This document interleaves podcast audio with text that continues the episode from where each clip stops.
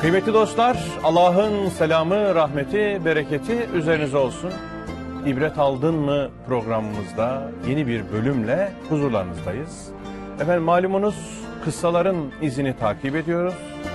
Kıssaların izini takip ederken yolumuz Hud aleyhisselamın beldesine uğradı, onun tebliğine uğradı, onun mesajına uğradı.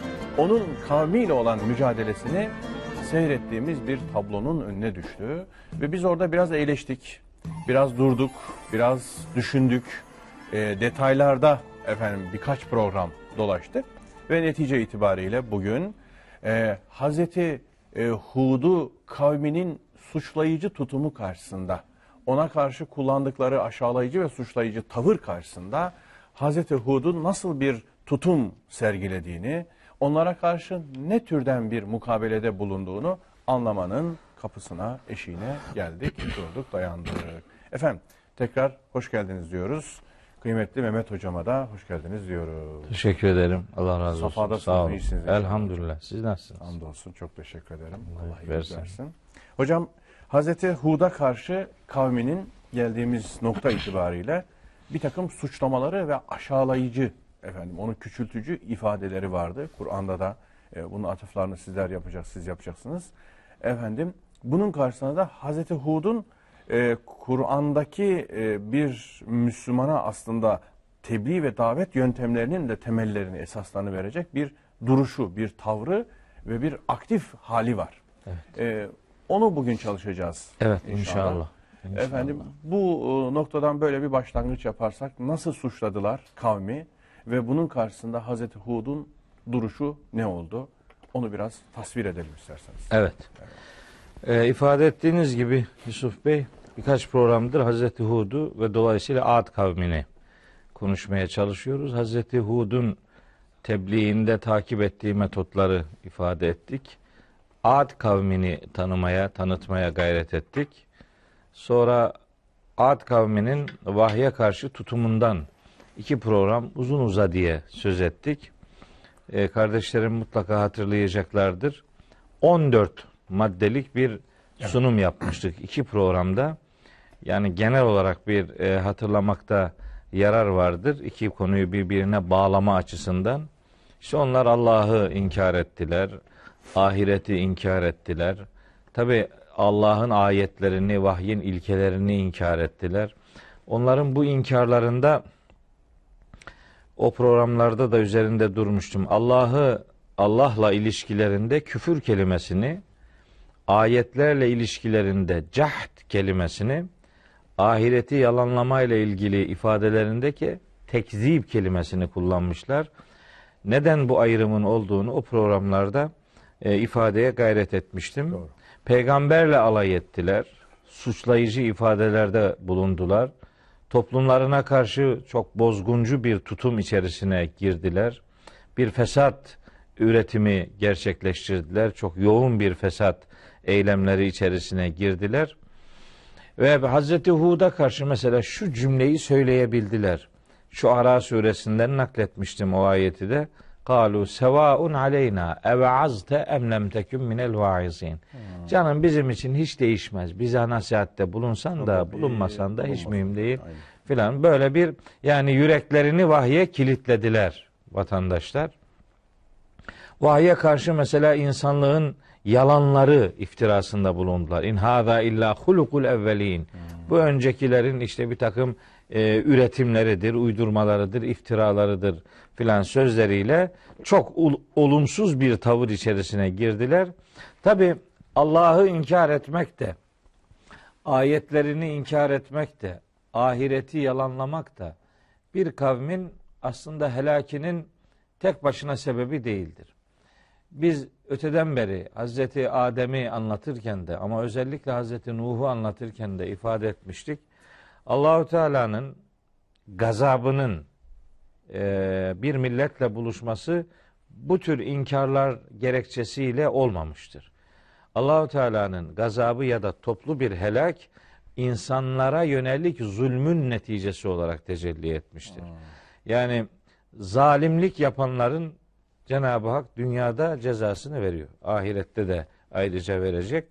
Dolayısıyla bu adamların böyle ekseru fihel fesad yani yeryüzünde acayip bir şekilde fesat çıkardılar. Ellezine dağav fil bilad bulundukları şehirlerde azgınlık yaptılar yani. Bu azgınlık tabi peygambere karşı düşmanlık şeklinde tecelli ettiği gibi peygambere iman eden insanlara karşı hayatı zindan etme anlamında bir büyük baskıya, zulme, tehdide, tetihişe dönüşmüştür. Onun sonucunda işte bir helak e, vuku bulmuştur. İnşallah onlarla ilgili, helakleriyle ilgili Kur'an'da nelerin söylendiğinde bir, bir sonraki programda kardeşlerimize aktarmaya gayret edeceğiz. İnşallah. Şimdi genel çerçeve buydu. Bu. Ad kavminin Hazreti Hud'a ve Risalet öğretilerine karşı böyle müstekbir bir tutumları var. Ve emma adun festekberu fil ardı bi gayril hakkı. Haksız yere yeryüzünde ya da işte bulundukları toplumda bozgunculuk çıkartacak bir kibir gösterdiler. Kibirle anılıyor bu adamlar. İşte onların bu kibirli tutumları elbette peygamberlerine karşı bir tutum geliştirmelerine sebep oldu. O tutum önce söylemle başladı. Araf suresinde onların bu hakaretamiz ifadelerini şu ayetlerde görüyoruz.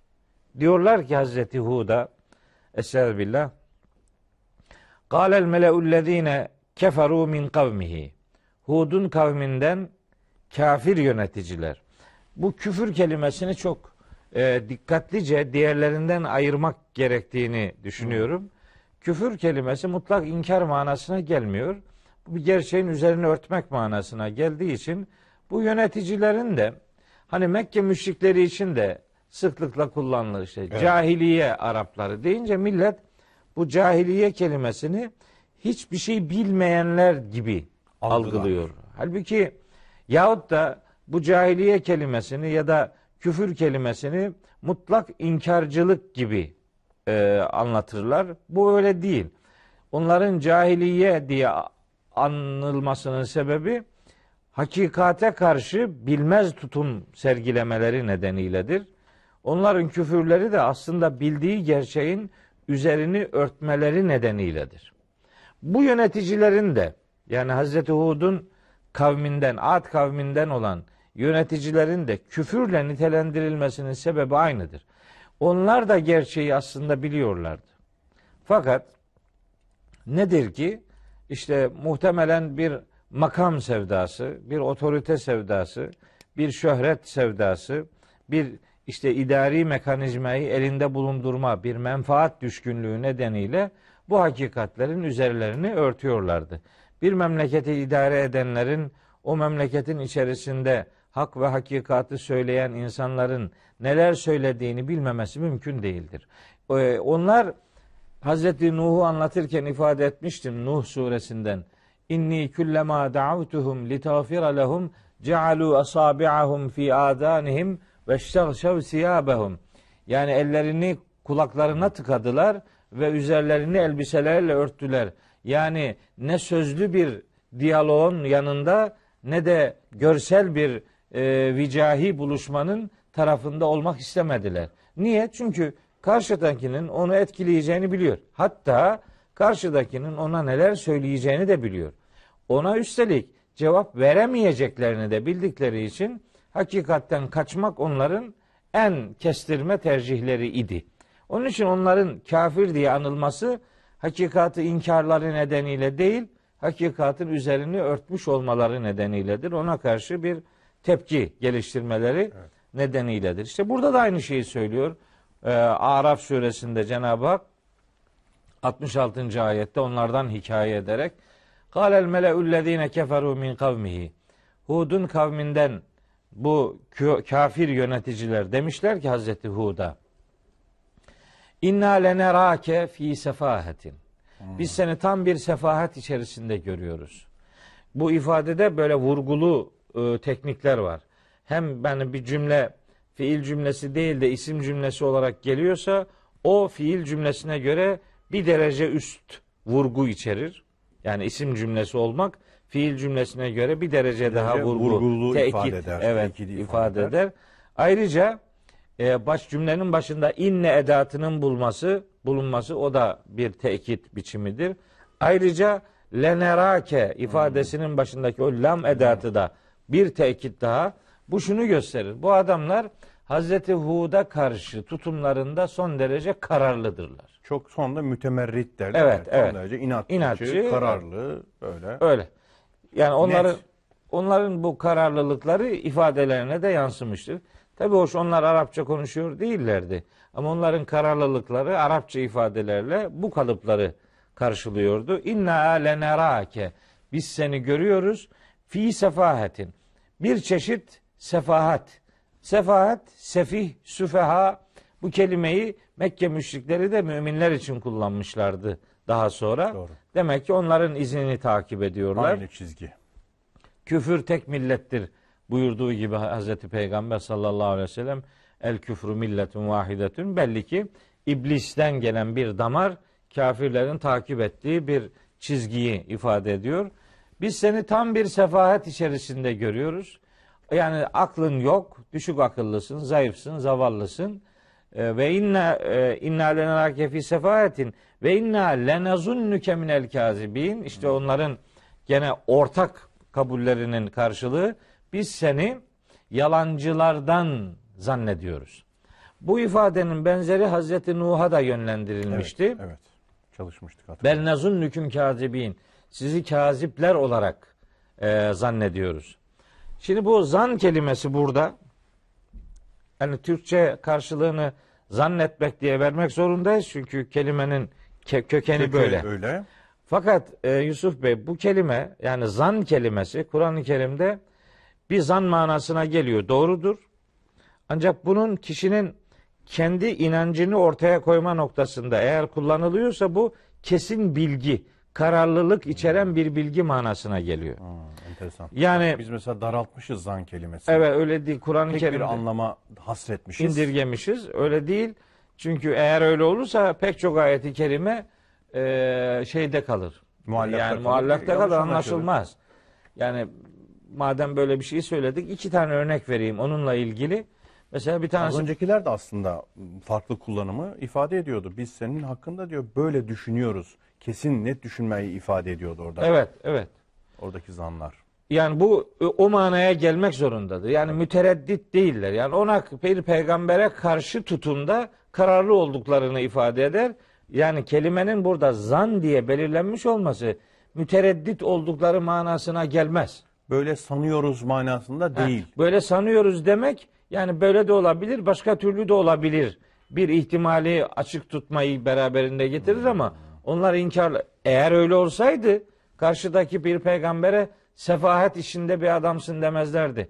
Cümleyi böyle vurgulu, tekitli, güçlü ifadelerle ortaya koymazlardı.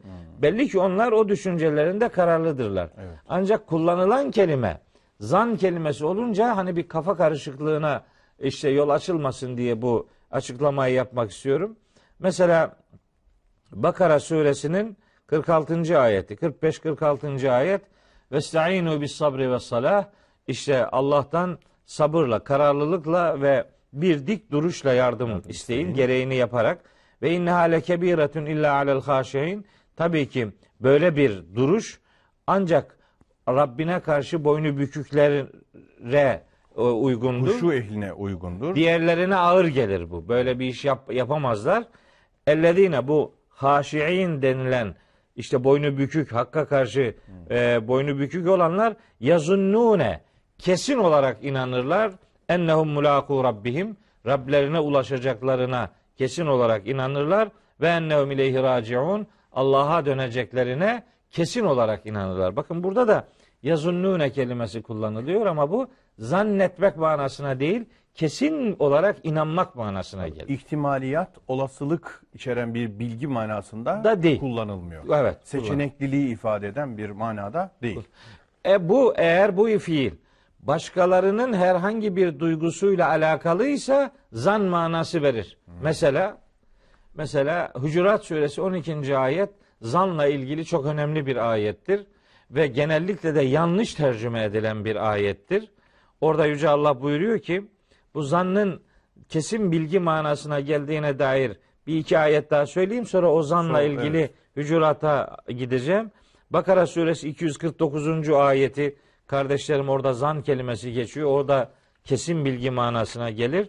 Mesela Hakka suresinin işte mahşerde amel defteri kendisine sağ taraftan verilen kişinin itiraflarının, Evet. sevinç çığlıklarının zikredildiği bir pasajda buyuruyor Yüce Allah. Onların durumuyla ilgili. Emma men utiye kitabehu bi yemini. Kitabı kendisine sağ, taraftan verilen kişi feyekulu der ki ha umukra'u kitabiye. Alın işte kitabım, amel defterim. İnni zanentu enni mulaqin hisabiye. Ben bu hesabımla karşılaşacağımı zaten kesin olarak biliyor ve ona inanıyordum. Zanentü kelimesi orada kullanılıyor. Zannedilmesin ki bu zan yani ihtimaliyat olarak yani belki de böyle olabilir o manaya gelmez. Kişinin kendi inancıyla alakalı olan zan ifadesi kesin bilgi manasına gelir. Başkalarıyla alakalı ise eğer o düşünce o zaman zan manasına gelir. İşte onun delillerinden bir tanesi Hucurat suresi 12. ayettir. Orada buyuruyor ki Yüce Allah Estağfirullah. Ya eyyühellezine amenu Ey iman edenler içteni bu kesiran minaz zanni. Zannın çoğundan sakının. Heh, şimdi öyle tercüme ediliyor. Zannın çoğundan kaçının. Eğer bütün mesela benim elimdeki mealde de öyle yazıyor. Hep yani. öyle yazıyor. evet. Şimdi zannın çoğundan kaçının e, yani bu şu demek. Biraz biraz yapabilirsin Evet. ama çok yapma falan. Hayır. İcteni bu. Eğer zannın çoğundan kaçının tercümesi eğer konu buysa metin şöyle olurdu.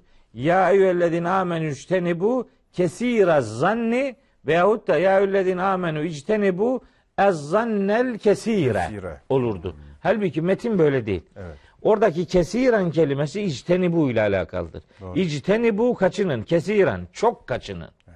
Neden çok kaçının? Minaz zanni zandan. Zandan çokça kaçının. Ha evet. Zandan niye biliyor musunuz? Zannın çoğundan kaçının değil. Değil, hayır. Ha, çok Zandan çok kaçının.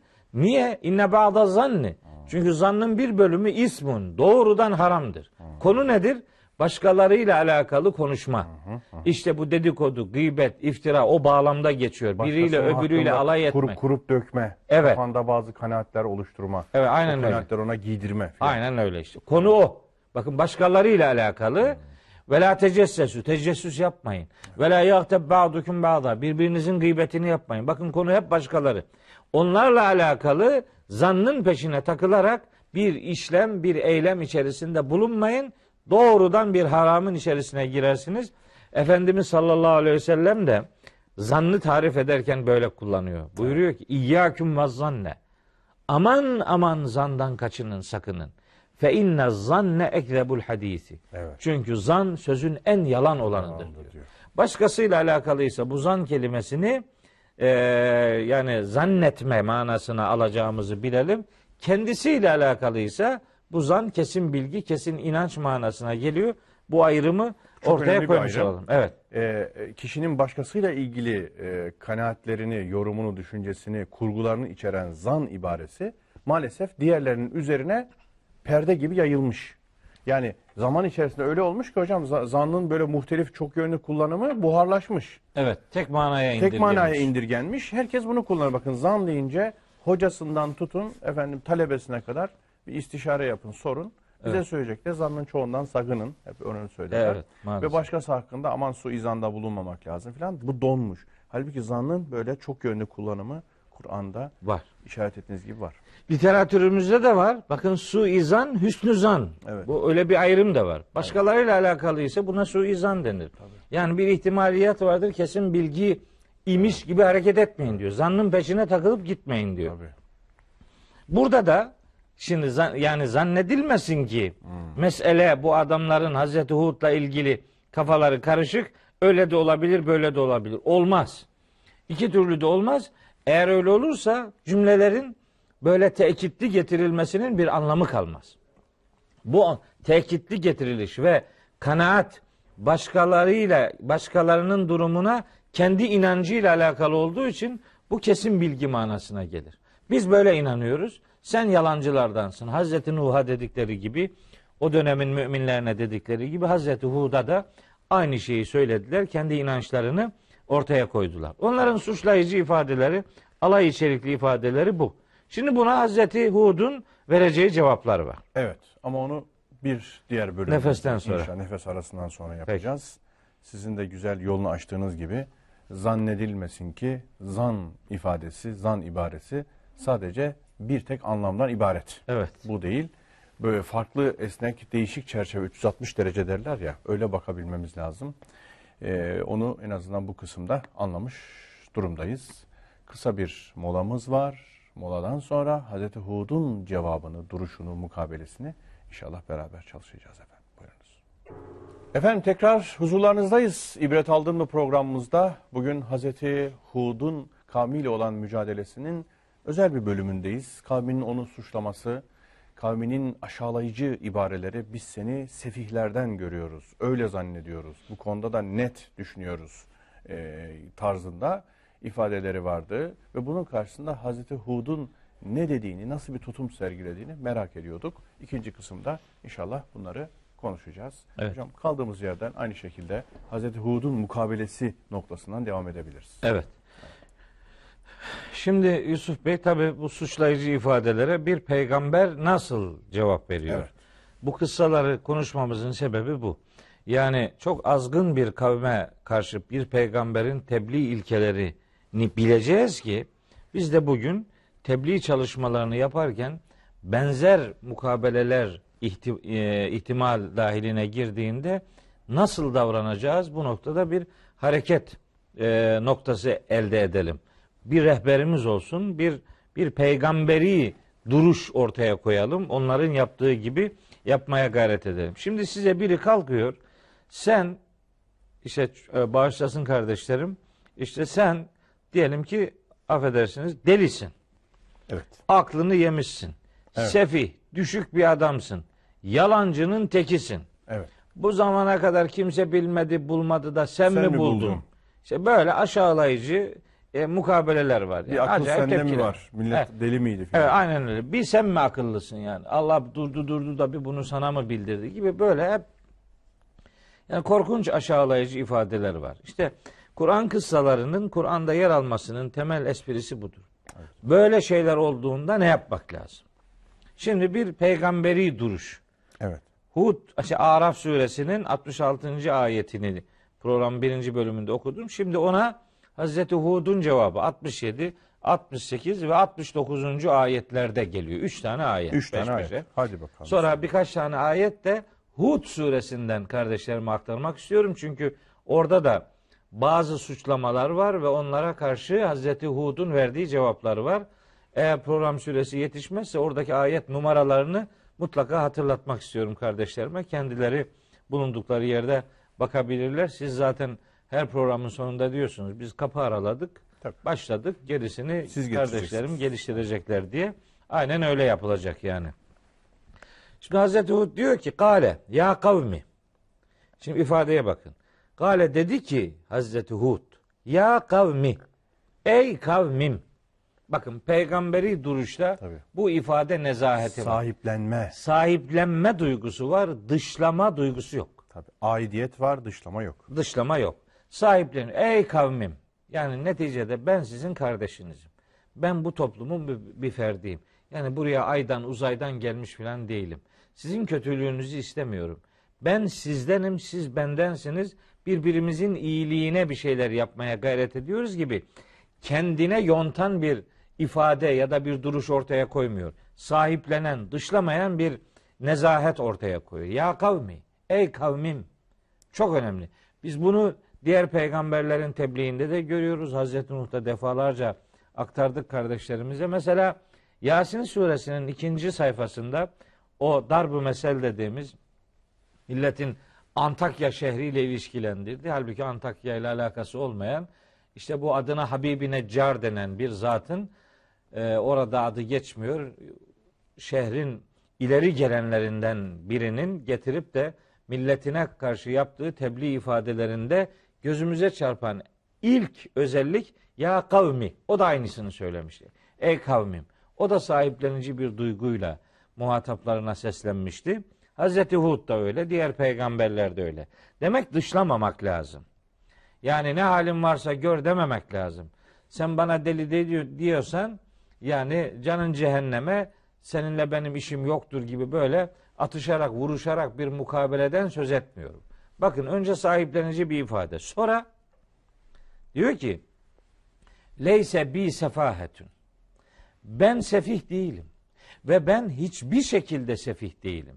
Leyse bi bu leyse ile bi edatı böyle yan yana geldiği zaman olumsuz bir edattan sonra böyle B harfi Geldiği geldiği zaman hiçbir şekilde yani aksini düşünmek akla ziyandır manası verebilecek bir teknik kullanımdır.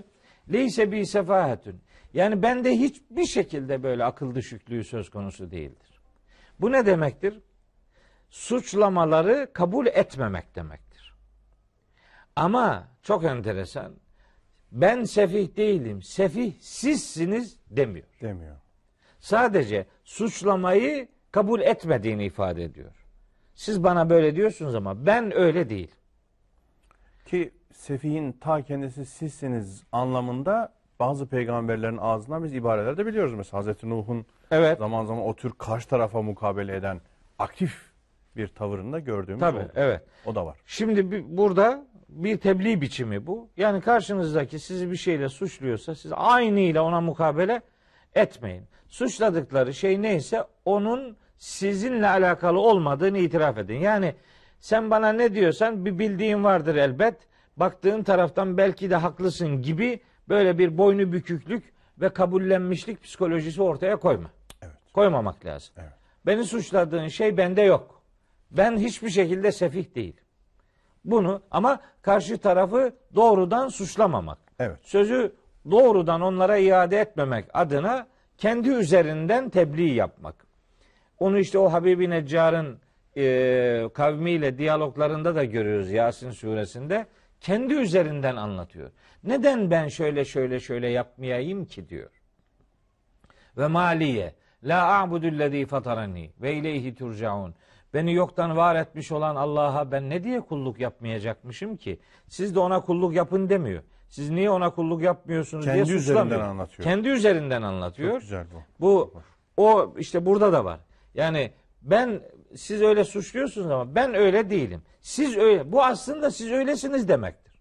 Fakat bunu ifadeyle ortaya koyup yani daima davetinize konu olacak insanları ebediyen kaçırmama adına söyleminizi nezahetle kibar bir e, ifadeye dönüştürmek Bu, mecburiyetindesiniz. bu kişiselleştirme diye bu teknik hocam bu şahsi yani şeyde psikolojide ve sunum usullerinde Ee, günümüzde bunun ben çok ihmal edildiği için bir kısım vaaz nasihatlerin tesir etmediği kanaatine sahibim. Yani kendini dışlayarak, kendini bir kenarda bırakarak karşı tarafa Müslümanlar şöyle olmalısınız, bak böyle yapmalısınız, ona göre hitap var falan diye karşı tarafa doğrudan bir şey aktarma, Evet. dikte etme üslubu Yok. insanlarda tesir uyandırmıyor. Evet. Ya doğru. ben niçin bir Allah'a inanmayayım bunca aciz, fakir bir kulken değil mi? İşte bunca ihtiyacım varken, Rabbim bana bu kadar nimeti veriyorken gibi bir anlatımla Allah size bu kadar nimet veriyor. Bu nimet karşısında kul olmanız gerekmiyor mu filan diye Evet. hitap bambaşka. Aynen Biraz öyle. canlandırıyorum hani. Har- Aynen öyle harikulade.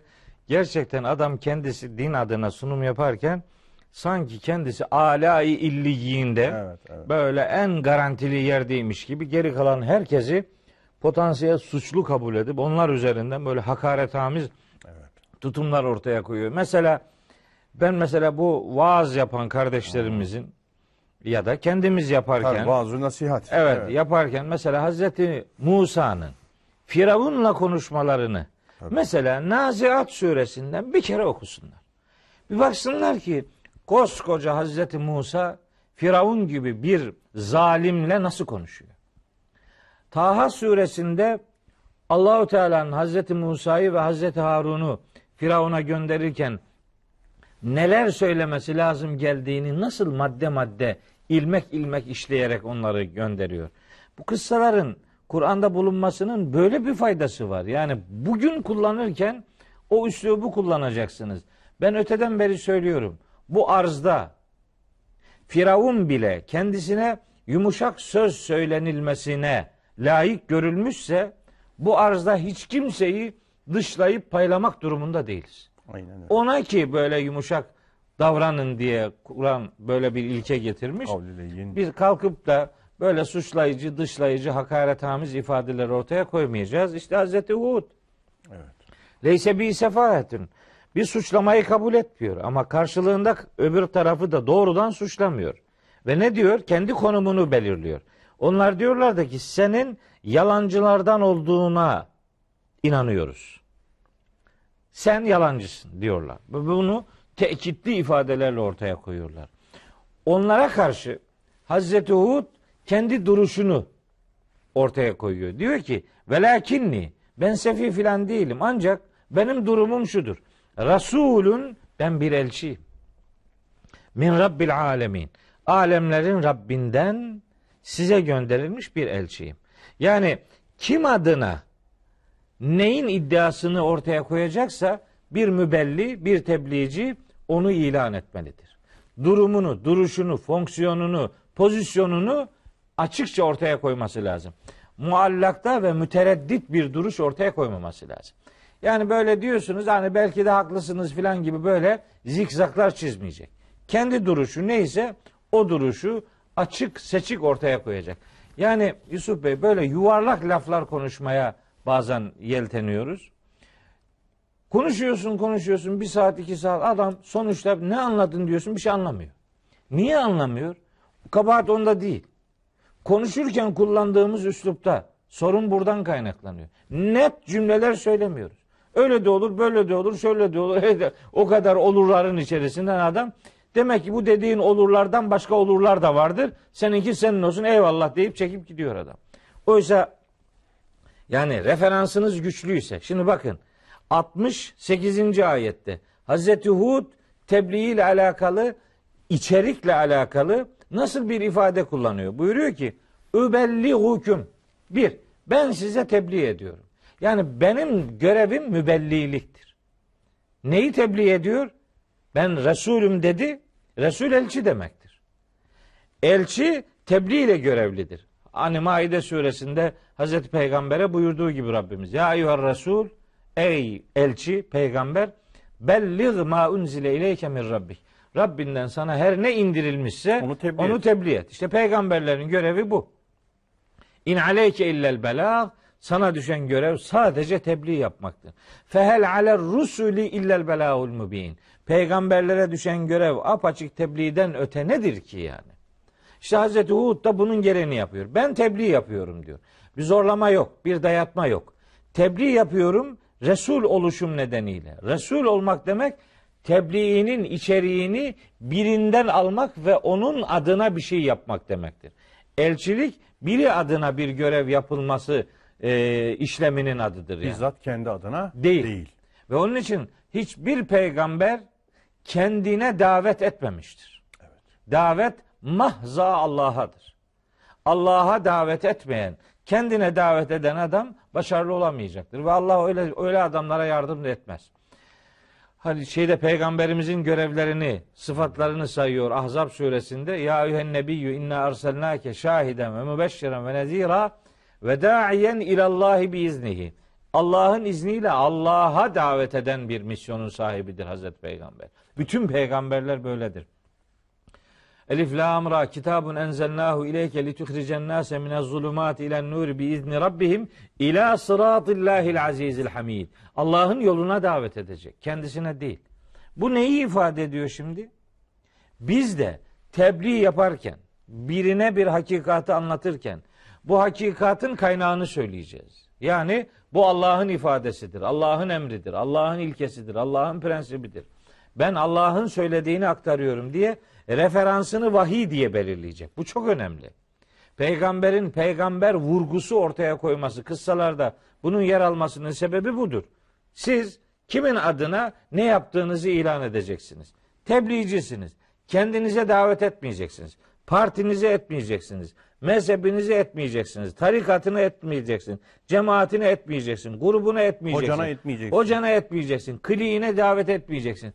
Sen kendine davet etmeyeceksin kardeşim. Sen Allah'a davet edeceksin. Sen adama bana gel, şuraya gel, buraya gel demeyeceksin. Allah'ın dinine gel diyeceksin. Fıtratına gel. Hatta sen kendine gel diyeceksin ona. Davetin böyle olacak. Başka türlü davetler insan egosunun içi bulandırdığı bir takım karma karışık duygulara e, dönüşüyor. Bakın übelli hüküm. Size ben tebliğ ediyorum. Neyi? Risalati Rabbi. Rabbimin öğretilerini. Evet. Rabbimin gönderdiği esasları size tebliğ ediyorum. Peki biz ne yapacağız şimdi? Şimdi bizim tebliğlerimizde muhataplarımıza naklettiğimiz, aktardığımız şeyler Rabbimizin öğretileri mi yoksa başka insan kaynaklı öğretiler mi?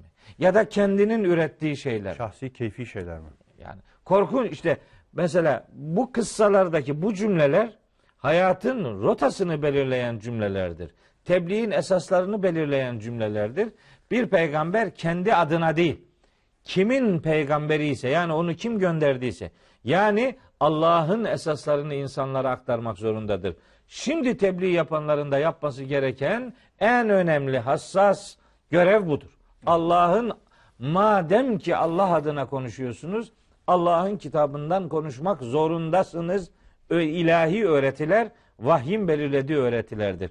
Bunun ötesindeki şeyler vahyin işte yani vahyin ötelenmesine sebep olmamalıdır. Ertelenmesine sebep olmamalıdır. İkinci plana itilmesine sebep olmamalıdır. Vahyin görülmemesine sebep olmamalıdır. Her ne ki din adına sunacaksanız onu vahyin referansıyla buluşturmak durumundasınız. Ancak böyle olursa ve ene leküm nasihun eminun. Ben hem sizin için, sizin lehinize, leküm, bakın aleyküm demiyor. Ve ene leküm, sizin için, sizin lehinize, nasihun eminun. Güvenilir bir nasihatçiyim. Yani tebliğiniz nasihat içerikli olsun. Bu o demektir yani. Nasihat edin, bağırmayın, çağırmayın, hakaret etmeyin. Adamı dışlamayın, sahiplenin, aidiyet duygusunu ötelemeyin diye. Bir de emniyet duygu, emniyet telkin etmek diye bir şey var. Tabi, emin. Yani sizin e, o nasihatinizin de güven telkin etmesi lazım ve güvenle karşı tarafa telkin edilmesi lazım ya da tebliğ edilmesi lazım. Tabi. İki taraflı. Tabi. Yusuf Bey şimdi deniyor ki işte bu kadar anlatıyoruz anlatıyoruz millet itibar etmiyor. Etmez. Niye? Dediğini sen yaşamıyorsun. Oysa Kur'an-ı Kerim'de Rabbimiz buyuruyor ki ya eyyühellezine amenü lime tekulune ma la tefalun. Niye kendiniz yapmayacağınız şeyleri başkalarına söylüyorsunuz? Doğru. Tesir etmez. Saf suresi 2 ve 3. ayetler. Bakara 44. ayet. Ete'murûnen nâse bil birri ve tensevne enfuseküm ve entüm tetlûnel kitab. Efela ta'kilûn. Yani kitabı okuyor olmanıza rağmen kendinizi unutup iyilikleri hep başkalarına mı emrediyorsunuz? Sizin hiç mi kafanız çalışmıyor diye. Yani mümkün mü siz söylediğiniz şeyi kendiniz yapmıyorsanız o nasıl etkili olacak ki? İnanmadığınız, yaşamadığınız, benimsemediğiniz, içselleştirmediğiniz, sizin olmasını sağlamadığınız, hayatınızın merkezine almadığınız herhangi bir değeri başkasına pazarlamakla kim hangi sonucu elde edeceğini bekler ki? Güvenilir bir duruş ortaya koyacaksınız. Mütereddit olmayacaksınız, kararlı olacaksınız. İnandığınız ve davet ettiğiniz esasları hayatınızda kendiniz önce uygulayacaksınız. Amener Resulü yatsı namazlarından sonra okunuyor ama evet. pek manası düşünülmez. Amener Resulü bima unzile ileyhi min rabbihi vel müminun. Peygamber Rabbinden kendisine indirilene önce kendisi iman etmiş ve güvenmiştir. Sonra da müminler. Siz kendiniz bir şey bir duruş ortaya koymadan başkasından onu bekleyemezsiniz. Bu emanet sahibi ya da emniyet sahibi olmayı beraberinde getirmez. Tebliğ de önemli esaslardan bir tanesi de budur. Hazreti Hud'un verdiği cevaplardan biri de budur yani. Bu kısmı e, tamamlayalım, bağlayalım hocam. O zaman verdiği Vakit öbür azaldı. cevapları e, bir sonraki programa biraz bırakayım mı yoksa Yani spot sadece halinde belki söyleyebiliriz. Birkaç tane. Bir sonraki programda da- isterseniz açarız. Aha, evet. Şimdi bir şey daha söylüyor. Onu da hatırlatayım o zaman. Eve aciptüm. Siz şuna mı şaşırıyorsunuz yani? En caeküm zikrun min rabbiküm ala raculin minküm liyunzireküm. Yani sizin bütün probleminiz Rabbinizden bir öğüdün içinizden birine gelmesi mi yani? Bütün problem bu mu yani? Birine gelecekti bu. Bunun ben oluş ben olmam nasıl bir problem meydana getiriyor?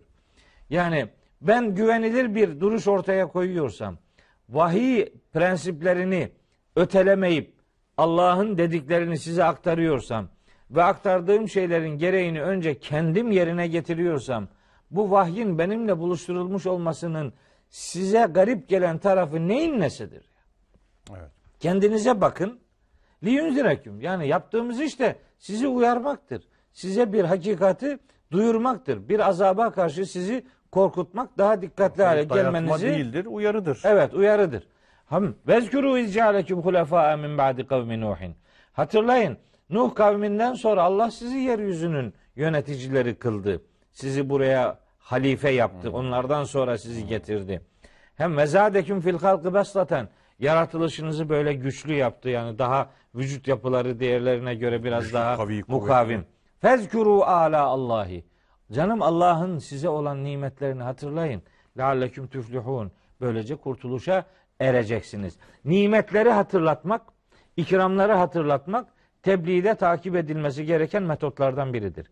Yani Allah'ın bir nimeti varsa Geçmişteki nimet verilenler ve şimdiki, Şimdiki- hazırı da. ve sonra da verilecek olanları da bir müjde unsuru olarak ortaya koymak muhatabın kurtuluşunun hangi kilometrelerden, hangi noktalardan geçeceğini onlara hatırlatmak tebliğde önemli bir vaat biçimidir ve bu vaadin vahyin referansı ile ortaya konulması hani bol kepçeden dağıtıp kendi kafasına göre yeni bir efendim nimetlendirme ihdas etmek değil. Allah neyi belirlediyse onun belirlediği esaslar üzerinden nimeti hatırlatmak, nimetin sahibini hatırlatmak, nimetlerin veriliş gayesini hatırlatmak beraberinde kurtuluşu inşallah getirecektir. Tebliğin önemli metotlarından, esaslarından biri de budur, diyelim. Evet, çok teşekkür ediyorum Ben hocam. teşekkür ederim. Efendim, e, geri kalan detaylar olursa bir sonraki programımızda gerekirse hatırlatırız, paylaşırız. Gönlünüze sağlık. Kıymetli dostlar, bugün bu kadarlıkla iktifa ediyoruz. Süremizi de biraz gözeterek. Hepinizi Allah'a emanet ediyoruz. Vahiy ile içimizin dışımızın ihya olmasını temenni ediyoruz, dua ediyoruz. Allah'a emanet.